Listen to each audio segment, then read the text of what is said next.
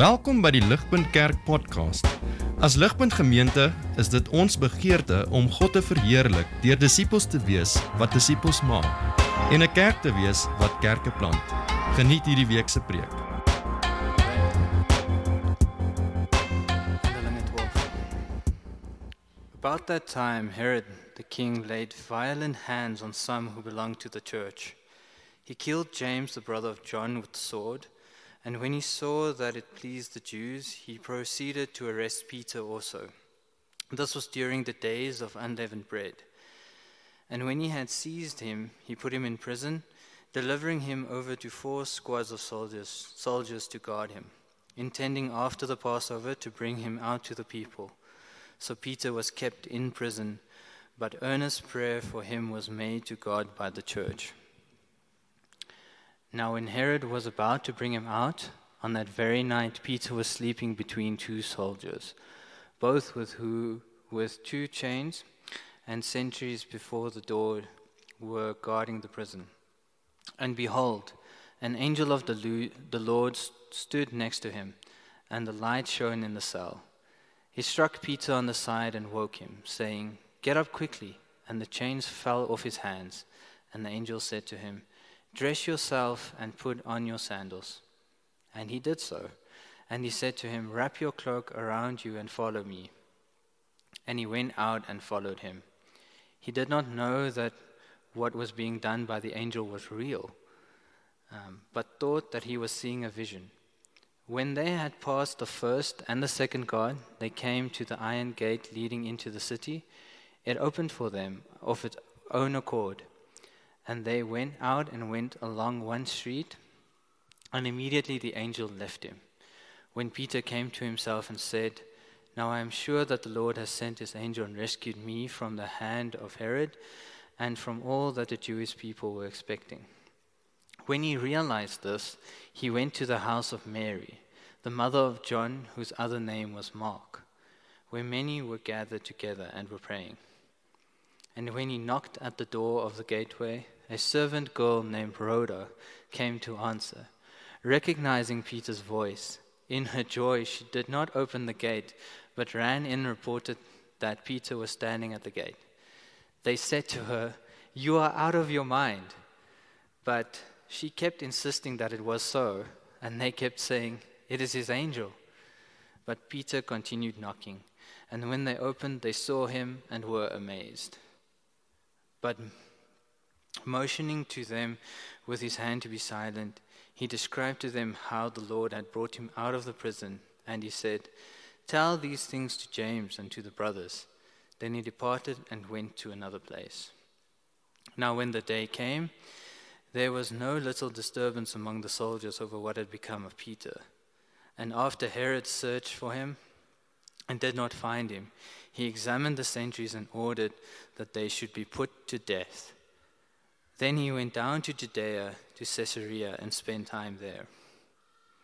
Now Herod was angry with the people of Tyre and Sidon, and they came to him with one accord, and having persuaded Blastus, the king's chamberlain, they asked for peace, because their country depended on the king's country for food. On an appointed day, Herod put on his royal robes, took his seat upon the throne, and delivered an oration to them. And the people were shouting, The voice of God, and not of a man. Immediately, an angel of the Lord struck him down, because he did not give God the glory, and he was eaten by worms and breathed his last. But the word of God increased and multiplied. And Barnabas and Saul returned from Jerusalem when they had completed their service, bringing with them John, whose other name was Mark. This is the word of the Lord. Dit is lekker om terug te wees en om vir julle te kan preek. Ek hoop julle is ook dankbaar dat ek terug is. Ehm um, uh dankie, dankie, dankie. Ehm um, kom ons sê net ehm um, ek was 'n rukkie weg en besig met die disippelskap van 'n baie klein siel. En dit gaan nie so goed soos wat ek gedink het. Dit gaan gaan. Ehm um, nee. Ehm um, ek is Johan, baie welkom as jy my nie ken nie. Um, ek is 'n pastoor by Ligpunt. Um, en ja, ek was 'n rukkie weg. Um, die Here het ons geseën met 'n klein seentjie. Um, en dit gaan eintlik baie goed. So baie dankie vir almal se gebede. Ehm um, dis regtig lekker om terug te wees. Ons gaan aan met ons reeks en Handelinge. Ehm um, en net om te noem, ehm um, ons as 'n kerk glo regtig dat elke liewe woord ehm um, van God se woord ehm um, elke liewe woord in die Bybel is geïnspireer. En so dis hoekom ons lang reekse aanpak soos in die boek van Handelinge. Ons glo dat elke liewe woord en elke liewe hoofstuk is God se woord aan ons. En so ons wil hoor wat God sê in elke liewe hoofstuk. En ons wil kyk na elke liewe woord in elke liewe hoofstuk. Ehm um, en so dit maak dit ons nie altyd ehm um, die relevantste, coolste preke kan of wil preek nie. Ons wil stil staan by lang boeke van die Bybel en ons wil by hoofstukke stil staan wat mense nie elke dag preek nie. Want ons glo die hele woord is geïnspireer en is vir ons. Ehm um, dis nie te sê ons wil nie relevante goed preek nie. Daar kom de, ons breek op vir klein reekse. Ehm uh, maar die die hele woord van God is vir ons belangrik. En dis wat ons hier wil doen. Ons wil nie ons kerk groei met 'n klomp cool boodskappe nie. Uh on, kyk, dis nie wat kerk is nie. Kerk is God se mense wat bymekaar kom vir God se woord en hierdie Handelinge 12 is God se woord. So kom ons kyk na Handelinge 12, okay? Handelinge 12 is 'n interessante storie wat vir ons gaan insig gee op die hart agter die kerk se oppositie. Okay, die hart agter die kerk se oppositie. Maar ons gaan ook sien hoe God ten spyte van die kerk se oppositie werk om die kerk te groei. Cool. Kom ek bid vir ons en dan spring ons verder in en hoor wat die Here vir ons vanaand wil sê. Almagtige God, Papa Vader, U is goed, U is genadig en U is hier. In Jesus naam weet ons U is hier. En ons dankie vir dit. Heilige Gees, kom nou en breek hierdie woord oop sodat ons kan hoor wat die Here vir ons wil sê as kerk uh, en as individue. En gee my krag, Vader. Ek is 'n ek is 'n sonde sondige gevalle wese. En so gee my krag en maak op vir my tekortkominge dat u woord en u seën helder dit helder helderder sal skyn as enigiets wat ek sê of doen. Ek bid vir dit in Jesus naam alleen. Amen. So in van ons storie, uh wil ek graag hê julle met julle Bybels regtig oop hou. Ek het nie elke keer wat ek na 'n teks verwys opgesit nie. So as jy verlore voel, is dit omdat jy nie jou Bybel voor jou oop het nie, okay? So hou jou Bybel voor jou uit en kyk sommer nou na vers 4 vers 22. Okay, toe ek hierdie woorde sien, vers vers 22. They shouted, "This is the voice of a God, not of a man." This is the voice of God, not of man. Toe gaan my kop dadelik Titanic toe. Okay, dis obviously in die nuus met die submarine, almal praat oor die Titanic. Toe dink ek, hierdie hierdie is Titanic. So as jy nie weet nie, Titanic, as jy nie weet nie. Okay. Titanic was 'n Britse passasiersskip wat op 15 April 1912 in die Noord-Atlantiese Oseaan gesink het. Ehm um, maar die oploop tot hierdie skip wat sink was was wat die storie gemaak het. Die Titanic was uh, op sy dag die grootste, lykste en duurste passasiersskip op sy dag. Hy het die beste tegnologie gehad by verre. Soveel so sy naam was Titanic the unsinkable ship. Dit was sy naam. In die koerante, in die pamfletjies, dit was sy naam. Die bekendste gesegde van die Titanic was God himself could not sink this ship. Ek kan dink die ingenieur, hy sê kom. God himself cannot sink this ship. En jy hoor dit in die movie. So in die movie kom mense aan en hulle moet nou op die skip klim en soos wat hulle uit die skip uitklim, soos staan hulle in bewondering vir die skip. Hulle klim uit en hulle kyk nie af nie, hulle kyk op en hulle sê oef. En dan sal hierdie one-liner wat uitgegooi word, soos wat mense die skaal met van hierdie skip. Waar mense sê God himself could not sink this ship. En toe 4 dae later. Nie 5 dae nie. Okay, soos nie 'n week nie, nie 'n maand nie, sy eerste tripie uit op die see. Okay, hierdie het nog 'n nuwe karretjie opgehad, hierdie skip, okay? Toe sink hy toe hy 'n ysberg tref. En dit was 'n frats ongeluk, okay, dit was. Dit was 'n absolute buitengewone groot ysberg. Ehm um, dit was buitengewoon vir 'n paar redes. Hierdie ysberg moes al die pad afgewaai geword het deur 'n baie spesifieke storm, al die pad van die noorde af. Dit was buitengewoon want baie skepe het op hierdie roete klein blokkies ys getref. Baie, dit was die algemene ding. Jy gaan deur baie koue water. Maar obviously buitengewoon want die Titanic het nie 'n klein blokkie ys getref nie, hy het 'n berg getref. The unsinkable ship. Dit is 'n gevaarlike ding vir ons om onsself gelyk te te te, te maak met God. Dit is 'n baie gevaarlike ding. En die mensdom het 'n geskiedenis daarvan om homself gelyk te probeer maak met God. Of dit nou die toring van Babel is in Genesis 11 of 'n skip is of selfs in ons storie 'n 'n koning wat dink hy's God. Oor en oor en oor sien ons dat die mens homself probeer gelyk maak met God en keer op keer op keer sien ons dit dis net nie waar nie. In ons teks vanaand gaan ons 'n tipe van 'n Titanic verhaal beleef. Ons gaan sien hoe die kerk groei en ons gaan sien hoe trotse koning teen God werk en teen sy kerk werk. En ons gaan sien hoe God teen hoe God werk teen spyte van daai oppositie. Ons gaan nou in die teks inspring, so net net bietjie agtergrond voor ons kyk. Ons het twee punte vanaand. Ons gaan kyk na die kerk se oppositie en na die kerk se oorwinning. Maar net so 'n bietjie agtergrond in terme van waar ons is in Handelinge. Ons is in Handelinge 12, okay? Daar het al baie goed gebeur voor Handelinge 12. En so net die groot punt van Handelinge wat ek wil hê julle moet onthou, is dat Handelinge is 'n groot tema. Waaroor gaan Handelinge? Handelinge gaan oor die krag van die Gees wat die kerk bemagtig om die evangelie uit te vat. Dis Handelinge. Jy het net Handelinge gelees. Wel dan. OK. Die krag van die Gees wat die kerk bemagtig om die evangelie uit te vat. Dis die groot tema. En soos wat ons in hierdie deel van Handelinge kom, is die hooftema is die uitwaartse beweging van die evangelie. OK. Ons is 'n goeie 10 tot 12 jaar in die kerk se geskiedenis in na Jesus se opstanding. So baie het gebeur. 10 jaar is baie. En van hier af in die boek van Handelinge gaan die fokus nie meer wees op Petrus nie. Maar die fokus gaan wees op Paulus. Want die want die evangelie beweeg uit. Dis nie meer Jerusalem nie. Dis nie meer net Jode nie. Dis nou die uithoeke van die wêreld en Paulus gaan die van gaan die evangelie aanhou uitvat. Uit en uit. Dis die dis die tema. En vanaand se spesifieke episode as as Handelinge 'n reeks is, 'n serie is dan gaan vanaand se spesifieke episode, soos wat die gospel uitgaan, vir ons wys dat die skaal van die oppositie groei saam met die skaal van Christendom. En die vraag wat ons onsself moet vra, soos wat ons na hierdie teks kyk, is hoe versprei die evangelie steeds al groei die skaal van die vervolging tot op die level van godagtige konings?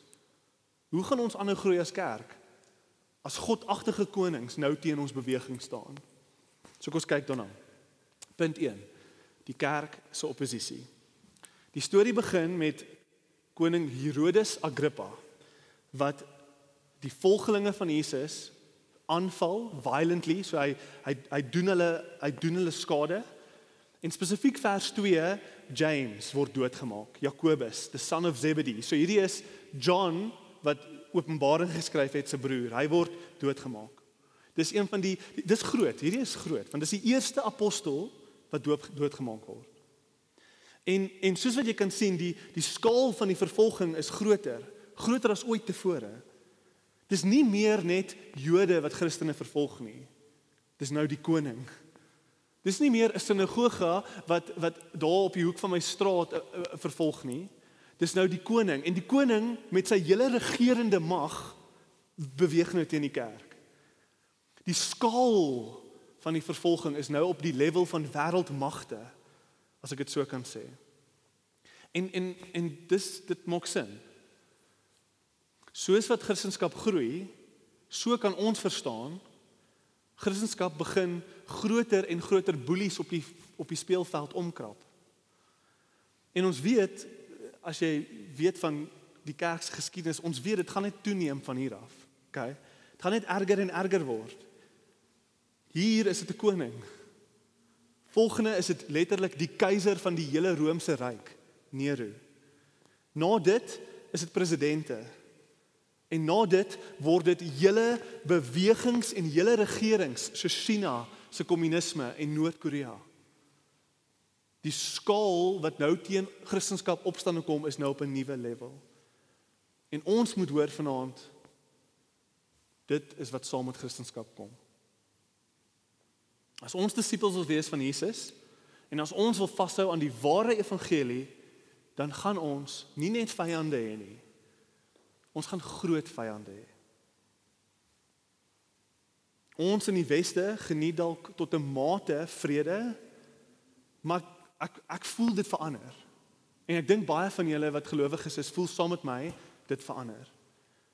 Ons word nie fisies vervolg nie, maar meer en meer en meer word ons vervolg deur die media en deur multi-billion dollar maatskappye wat hulle agenda op almal probeer afdwing.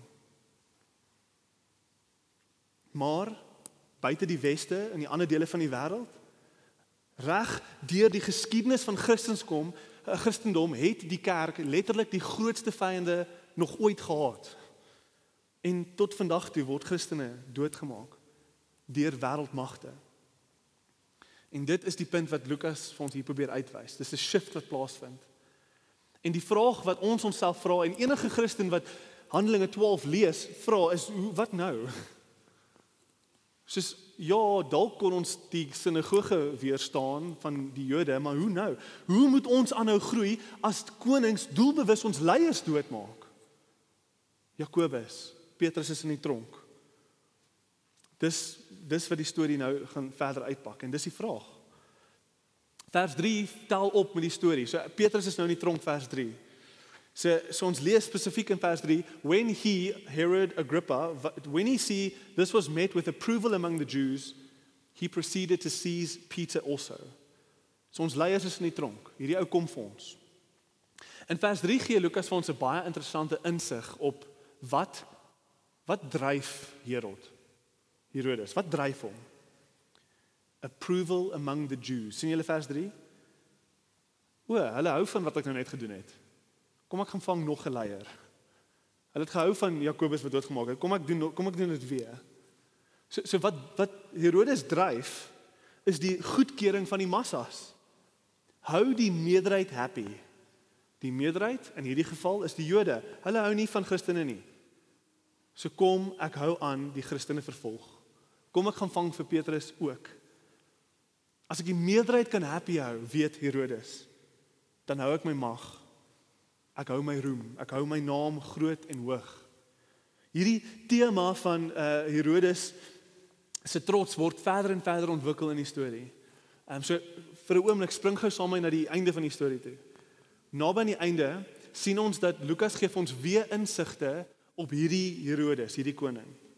Lukas gee ons insig op die uh politieke agtergrond van van Herodes. Hy kry nie vir Petrus nie, hy maak hierdie wagte dood, maar hy het nog steeds koninklike besigheid om aan te gaan. En die koninklike besigheid hier is sy buurlande. En skielik praat Lukas met ons oor sy buurlande, vers 20. Uh then Herod went to from Judea to Caesarea and stayed there. Vers 20. He had been quarreling with people from Tyre and Sidon, so sy buurlande, politiek and they now join together and sought an audience with him. Ons wil hê jy moet na ons luister. Um jy is die belangrike een. Herodes. After securing support from Blastus, a trusted personal servant of the king, they asked for peace because they depended on the king's country for food supply. So Tyre en Sidon se kos al wat hierdie stukkie ons sê is koning Herodes is belangrik en almal wil hom please. Okay, ons moet 'n audience met hom hê. Hy is belangrik. Luister ons, ons kort jou kos. En so wat Herodes dan doen is hy reël in vers 21 en 22. Hy I love dit. Hierdie is sy ding. Okay, hy hy gooi 'n royal regal opgeblaaste fluffy speech op sy troon met sy mooiste klere aan. Sodat hy vir almal kan wys voor hy praat wie hy is. En na hy gepraat het dat hulle weet wie hy is sodat wanneer hy vir hulle daai kos gee of wat ook al verstaan almal wie wie hy is. Hy het al die mag. Dis alwaaroor dit vir hom gaan.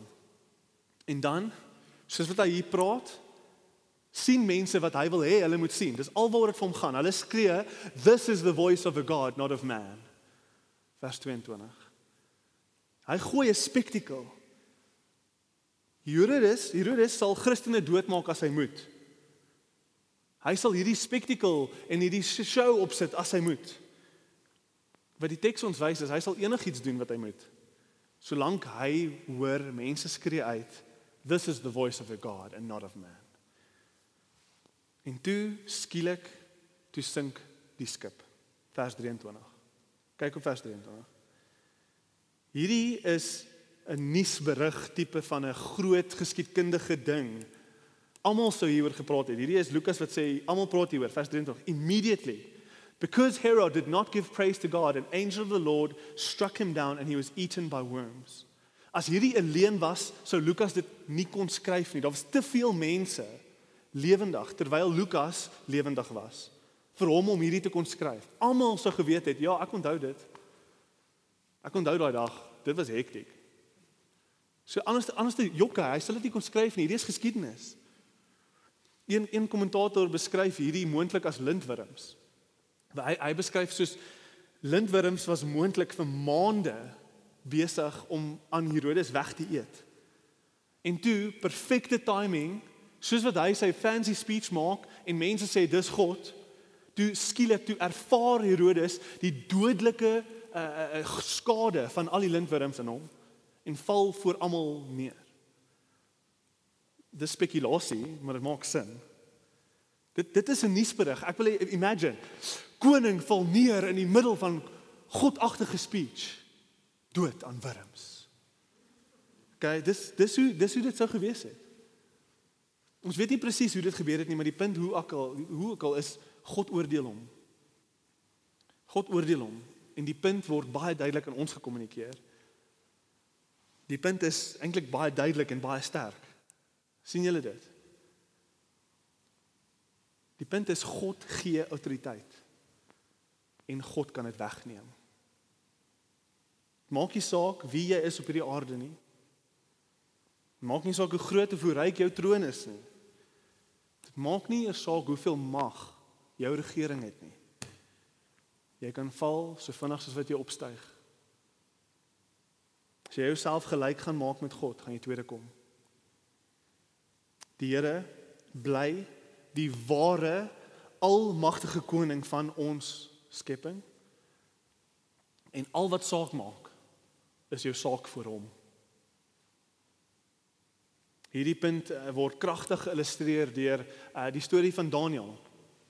So Daniël, as jy nie weet nie, is in ballingskap ingeneem. Dis 'n boek in die Bybel. Hy word in ballingskap ingeneem. Uh, hy bly in Babelonie en daar in 'n 'n 'n 'n heidense land moet Daniël sy geloof vir God verdedig teen die wêreldmag van sy tyd, okay? Die koning van Babelonie. Hy was ook soos koning Herodes, die magtigste van sy tyd. En ons lees in Daniël 4 en vers 30 en vers 32 dat koning Nebukadneser sê die volgende. Onthou die storie is hy staan op sy paleis en hy kyk oor die hele Babelonia en hy sê is not this great Babylon which I have built by my mighty power as royal residence for the glory of my majesty is the en jy kan net dink al die huise al die mense miljoene mense in sy sy sy stad wat hy gebou het Then a voice came from God and said, "O, is dit wie hy is? Okay. You will eat grass like an ox until you have learned that the most high rules the kingdom of men and gives it to whom he wills." O, wêreldmag. O, is, is jy in beheer? Eet gras. Dis komies, maar is kragtig. Daniel sê in Daniel 2 vers 21 God changes times and seasons. He removes kings and he sets them up. Dis ons God. As ek 'n preek kon kies om vir die ons regering te preek, sou ek hierdie preek kies. Want ek dink ons regering moet hierdie weer hoor. Ek joke nie.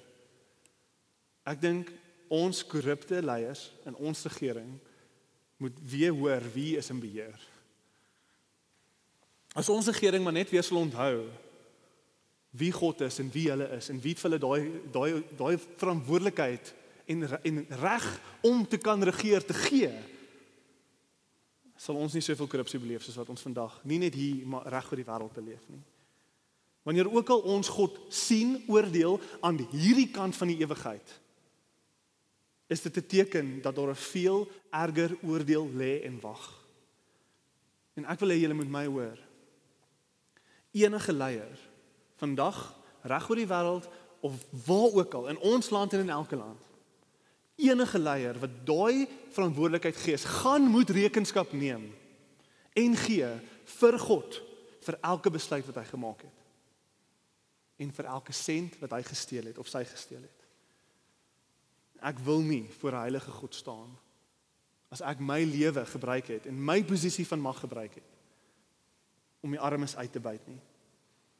En dit gaan vir elke leier wat hierso sit vanaand. Maar verder is die punt wat hier ook gemaak maak word. Dit is half nog 'n punt wat duidelik hier uitvloei in terme van toepassing. Is dit maak ook nie saak wie teen die kerk opstaan nie. Ek hoop ons hoor dit.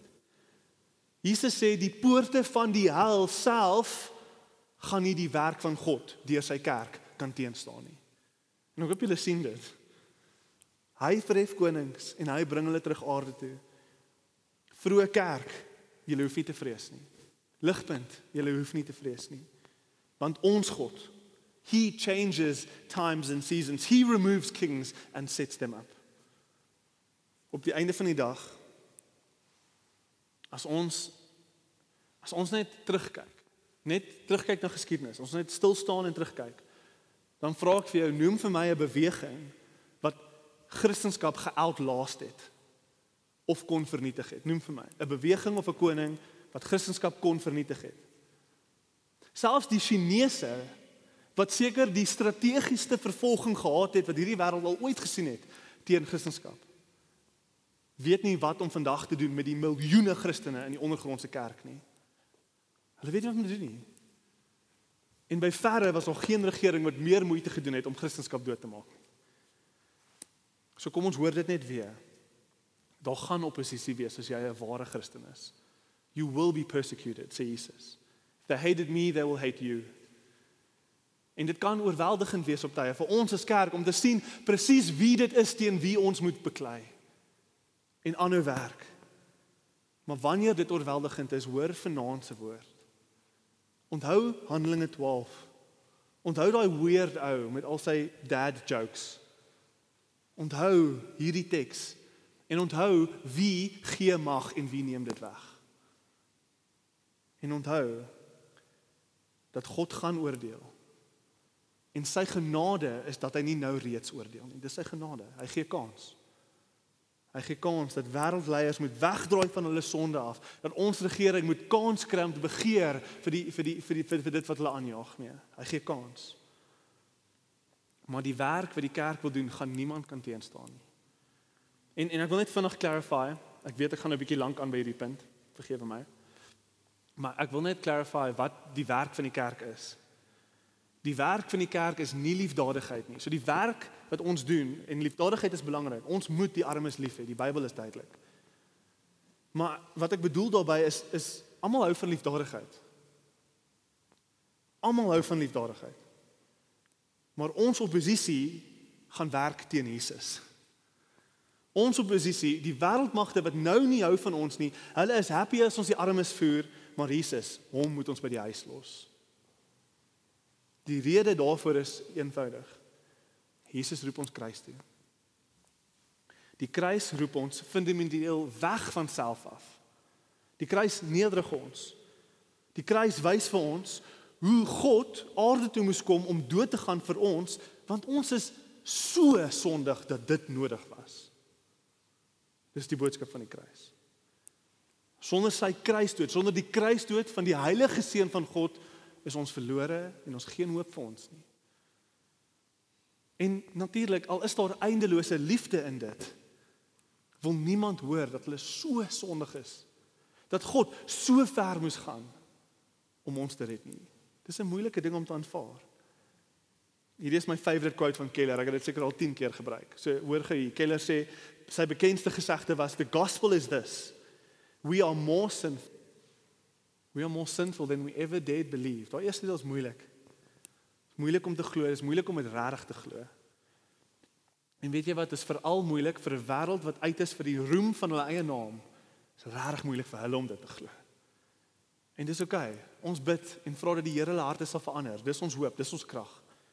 Maar weet net hulle trots en tot 'n mate ons trots, maar maar die trots van ons wêreldreis maak dit onmoontlik vir hulle om hulle self te nederig soos wat Jesus sê kom en tel jou kruis op en nederig jouself voor my.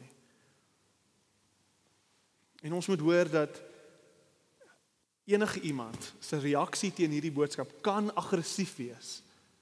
Dis aggressief want ek dreig die troon waarop hulle sit. Moenie my troon wegvat nie. Ek is koning in my wêreld. Jy sê ek moet Jesus koning maak? Not a chance. Wil jy ons moet dit sien. Dit is die kerk se oppositie. Dis die hart ook agter daai oppositie. Dis ons eerste punt. Ek het baie gesê. Kom ons gaan aan. Tweede punt gaan so 'n bietjie korter wees. Eerste punt, die kerk se oppositie, tweede punt, die kerk se oorwinning. So, die storie gaan aan en ek het gespring na die einde toe, maar daar gaan oppositie wees. Maar nou gaan ons kyk na die details van hoe God ten spyte van daai oppositie nog steeds gewerk het om die kerk te groei. So die kerk se oorwinning te midde vervolging. En en die punt hier is elke leier wat teen die kerk opstaan, gaan nie geëet word deur willems nie. OK. Dis nie hoe dit werk nie. Ehm um, hulle gaan soos Herodes nog invloed hê. Hulle gaan soos in ons storie Jakobus doodmaak en Petrus in die tronk gooi. En dit het al vir eeue gebeur en gaan nog steeds gebeur. En die vraag is hoe kry die kerk oorwinning wanneer hierdie wêreldmagte invloed het. Hulle verander, hulle sit mense in die tronk, mense gaan dood. Hoe hoe doen ons dit? Hoe groei die kerk? Hierdie is moeilike goed wat gebeur. En en tot daai vraag te beantwoord, tot daai doel is daar twee stories wat in die middel van Herodes se twee goedjies, twee stories in die middel. En die eerste ene is die obvious ene. Dis Petrus se storie. Petrus is 'n storie van hoe God werk ten spyte van die vervolging. Petrus wonder bo wonder word letterlik uit die tronk uitgebreek. OK.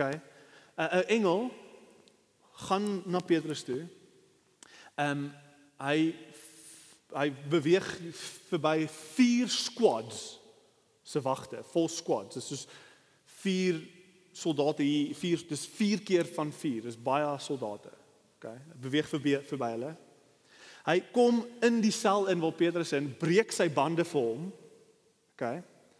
En dan omdat Petrus 'n bietjie deur die mis is, vat hierdie engel hom, toergids, handjie hou, kom ons gaan waar kom er toe maats, vat hy hom deur al die wagte, kom by hek, die hek gaan oop en Petrus staan nog steeds daar in die middel van nêrens, hy sê so. Oh. En skielik vers 11, o. Oh, o, dit was nie 'n visioen nie. O. Oh, hierdie het nou net rarig gebeur. Ek staan in die middel van nêrens en ek is ek's vry. Vers 11 lees ons now I know without a doubt that the Lord has sent his angel and rescued me from Herod's clutches and from everything the Jewish people were hoping would happen. Dis die een storie. Die ander storie het ons dalk gemis. Die ander storie sien ons in vers 2 en is 'n baie kort storie. Vers 2: He had James the brother of John put to death with the sword. Einde van die tweede storie. So sien jy daar's twee stories hier in een hoofstuk. Al klink Jakobus se storie soos 'n kort storie en al klink dit glad nie soos oorwinning nie, moet ons onthou sy storie eindig nie daar nie. Inteendeel, ons kan argumenteer Jakobus is die meer geseënde een. Want Petrus bly agter terwyl Jakobus in Jesus se oorwinning die paradys saam met hom geniet. Maar die kontras bly sterk, nê. Nee. Twee apostels, al twee in presies dieselfde situasie, hulle word toegesluit. Een gaan dood en die een word wonder bo wonder. Duidelik, die beskrywing is soos en dit gebeur en dis soos die punt word duidelik gemaak. Hierdie ou was gered, wonder bo wonder. My vraag was wat probeer Lukas vir ons sê? Want ons behoort te sien dink ek, ek probeer Lukas probeer jou oortuig. God kon vir Jakobus gered het. So jy moet vra, hoekom het hy nie? sien julle dit? Die engel gaan verby die wagte, maak sy kettinge los, maak God, hoekom het jy dit nie gedoen vir vir Jakobus nie? Dis die vraag. Dis twee kragtige stories. Kom ek begin deur te sê wat Lukas nie sê nie. Lukas sê nie dat een apostel meer geloof gehad het as die ander ene nie. Asof God kan, asof ons God kan beheer deur ons goeie dade. Asof ons God kan beheer met al ons gebede. Asof ons God kan beheer deur te name en claim en faith. Petrus het dit gedoen, Jakobus het nie, daarom, daarom is hy een dood en een het gelewe. Dis nie wat hier aangaan nie. En wanneer dit kom by hierdie wonderwerke en deurbrake, dan is daar 'n manier van dink in kerke wat kan glo ons kan net name and claim en geloof is die ding wat die verskil maak. Jy het net nie genoeg geloof gehad nie. Asof ons God kan manipuleer deur alles wat ons aan die tafel toe kan bring sodat ons kan verseker dat ons die uitkoms kry wat ons wil hê. Dis wat Petrus gedoen het. Ons moet versigtig wees. En dalk dink jy, "Ag, ah, maar dis nie ons kerk nie. Ons doen nie daai goed nie." Ek wil vir julle sê baie van ons dink God is 'n genie en hy wil net hy hy gaan hy's daar vir jou lewe en jou plannetjies. Hy's daar om jou koninkryk te bou. En en, en dis ook dis nie wat hier aangaan nie. Die deurbraak en wonderwerk van God is hier. Want Petrus was besig om sy lewe op te offer vir die kerk en vir God se koninkryk. En tot ons nie Jesus eerste sit met alles van ons nie, dan dan kan ons nie God manipuleer met ons plannetjies en ons koninkryk on the side nie. Ons moet versigtig wees. Dis nie wat hier gebeur nie. Daar was nie by by Jakobus een of ander fout wat gelei het tot sy dood nie. Hierdie is hierdie is wat ek dink Lukas ons leer. Die, so dis wat nie is nie, hierdie is wat Lukas ons leer. Autentiek gelowiges autentiek gelowiges, ware gelowiges, formuleer hulle begeertes in gebede in. Hulle bid. En hulle vra in groot geloof vir groot dinge. Haal vir Petrus uit die tronk uit, Here. Haal vir Jakobus uit die tronk uit, Here. Maar dan, na hulle daai gebid het, dan erken hulle God se soewereiniteit om te doen soos wat hy goed dink en 'n los wat ook al die uitkoms mag gewees in sy hande sodat sy gewil kan geskied. Dink julle die kerk het nie ook gebid vir Jakobus nie? Hy was ook 'n apostel. Hy was ook 'n leier in die Jerusalemse kerk. Dink julle Jakobus het nie self gebid nie? Nee, hy het almal gebid. Maar ons bid en dan los ons die dan los ons dit in die Here se hande dat sy wil kan geskied. Ek wil weer vir julle net om dit te illustreer want ek weet dit is moeilik om hierdie te verstaan of te hoor, maar ek wil hê julle moet weer saam in Daniël se storie gaan inspring want dit illustreer die punt so goed. Daniël se storie, onthou Daniël. Hy staan voor die wêreldmag en hierdie koning sê buig neer aanbid my. En Daniël en sy vier vriende sê drie vriende sê not a chance. Ons bid en aanbid die enigste God wat wat lewe, die God van die heelal, die God van die Bybel, dis ons God. En die koning sê oké, okay, hy vat hulle oond toe. 'n oond wat gemaak is om staal te smelt, okay, 'n warm oond. En hy sê okay. Aanbid, aanbid my. Hoor wat sê Daniël vir koning, soos wat hulle die hitte van die oond voel, nê? Nee? Hoor wat sê Daniël vir koning Nebukadnesar. Daniël 3 vers 16. King Nebuchadnezzar, we do not need to defend ourselves before you in this matter.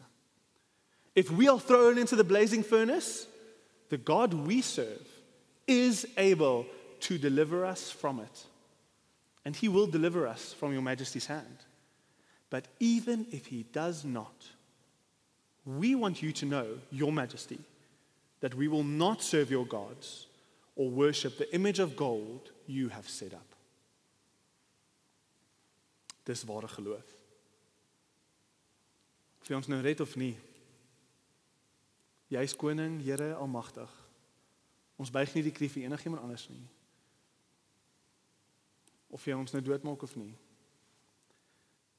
Dis nader aan wat ek dink Lukas hier vir die vroeë kerk probeer leer van hoe God werk om die kerk se oorwinning te kry. Lukas wys ons dat die Here beter weet en hy bring oorwinning deur die dode soos Jakobus se dode maar ook deur wonderwerke soos Petrus se wonderwerke.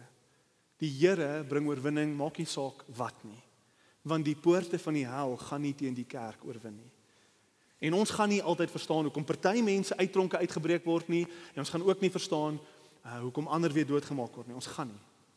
Maar om 'n rugby illustrasie te gebruik, verskoon my dames, ehm um, om 'n rugby illustrasie te gebruik, dis nie asof God die bal gefumble het met Jakobus nie.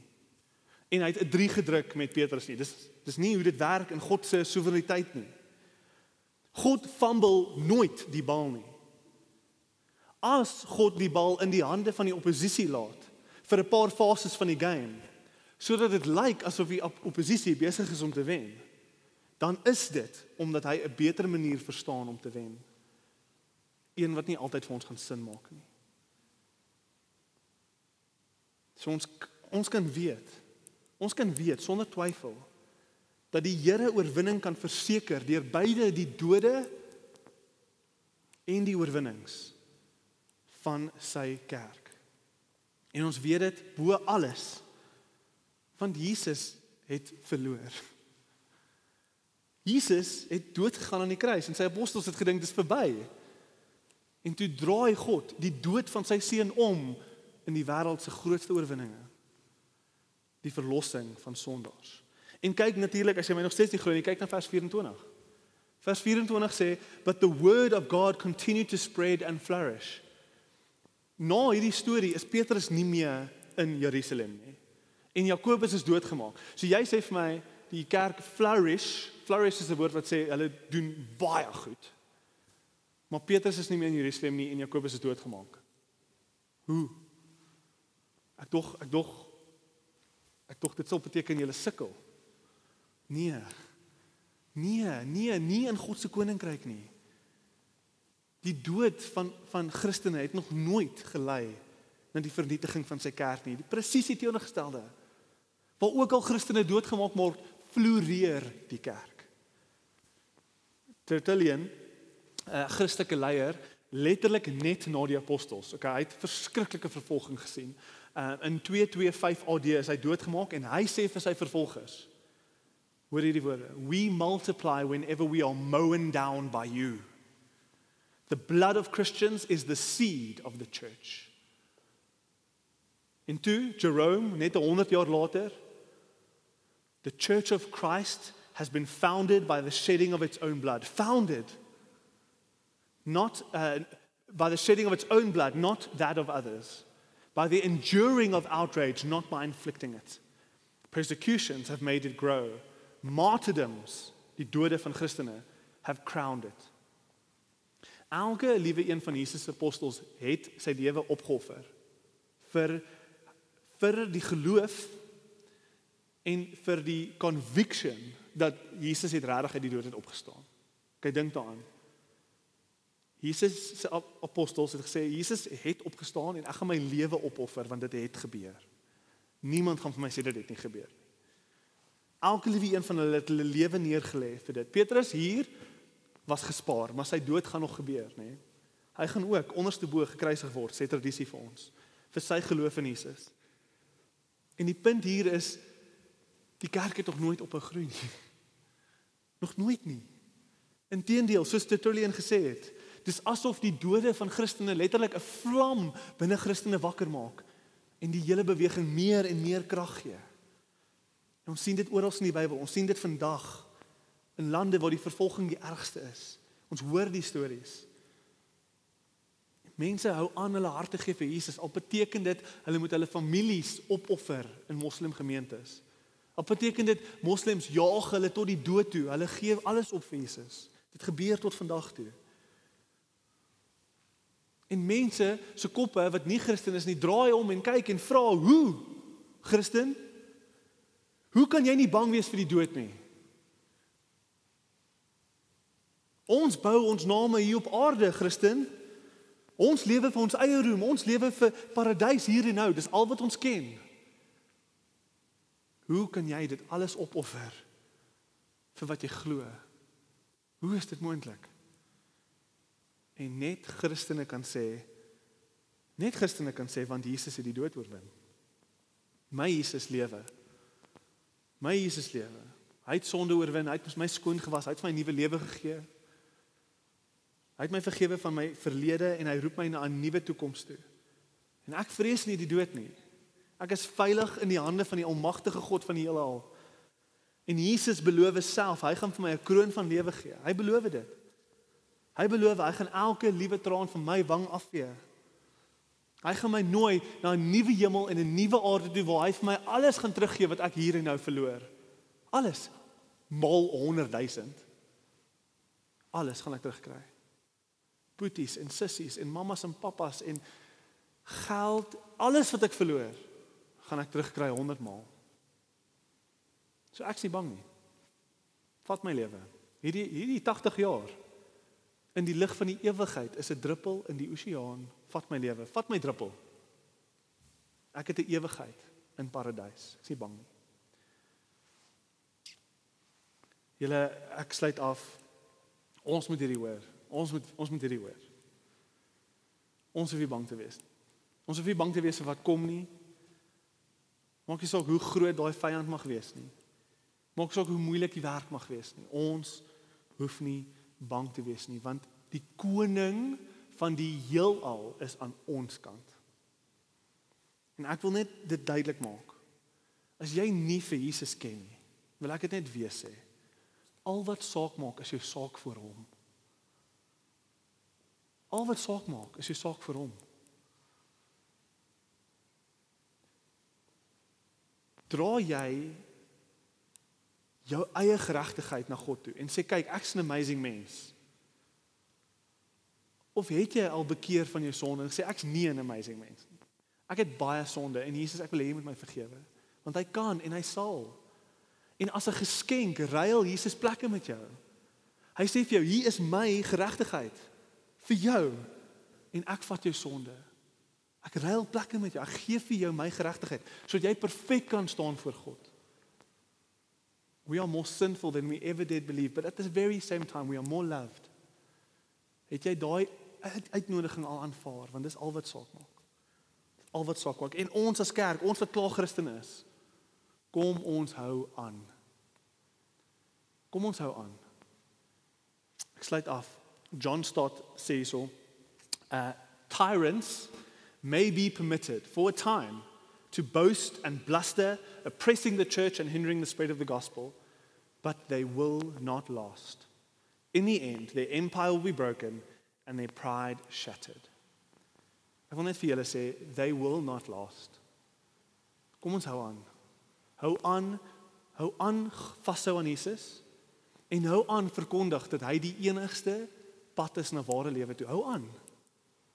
Because they will not last. Hierdie is die woord van God vir ons. Kom ons bid saam. Almagtige God, Papa Vader, U is so goed, U is so genadig en weet jy, U is so almagtig. U is koning van die heelal. En U is aan ons kant. Vader, ek weet nie waar ons is nie. Maar ek wil net vra gee ons hierdie boldness om môre ons werksplekke binne te gaan sonder vrees. Geef ons hier boldness van hierdie waarheid dat ons aanhou sal verkondig dat Jesus die enigste manier is na ware ewige lewe toe. En vir ons wat dit nog nie glo nie, Vader, kom en nou deur die krag van die Gees dring deur na ons harte toe en roep ons tot bekering toe. Ons bid vir dit. Dra vrugte deur hierdie woord in ons lewens vir u koninkryk en vir u glorie bid ons dit in Jesus naam alleen. Amen. Amen. Vir meer inligting oor Ligpunt Kerk, besoek gerus ons webwerf op www.ligpunt.com of kontak ons gerus by info@ligpunt.com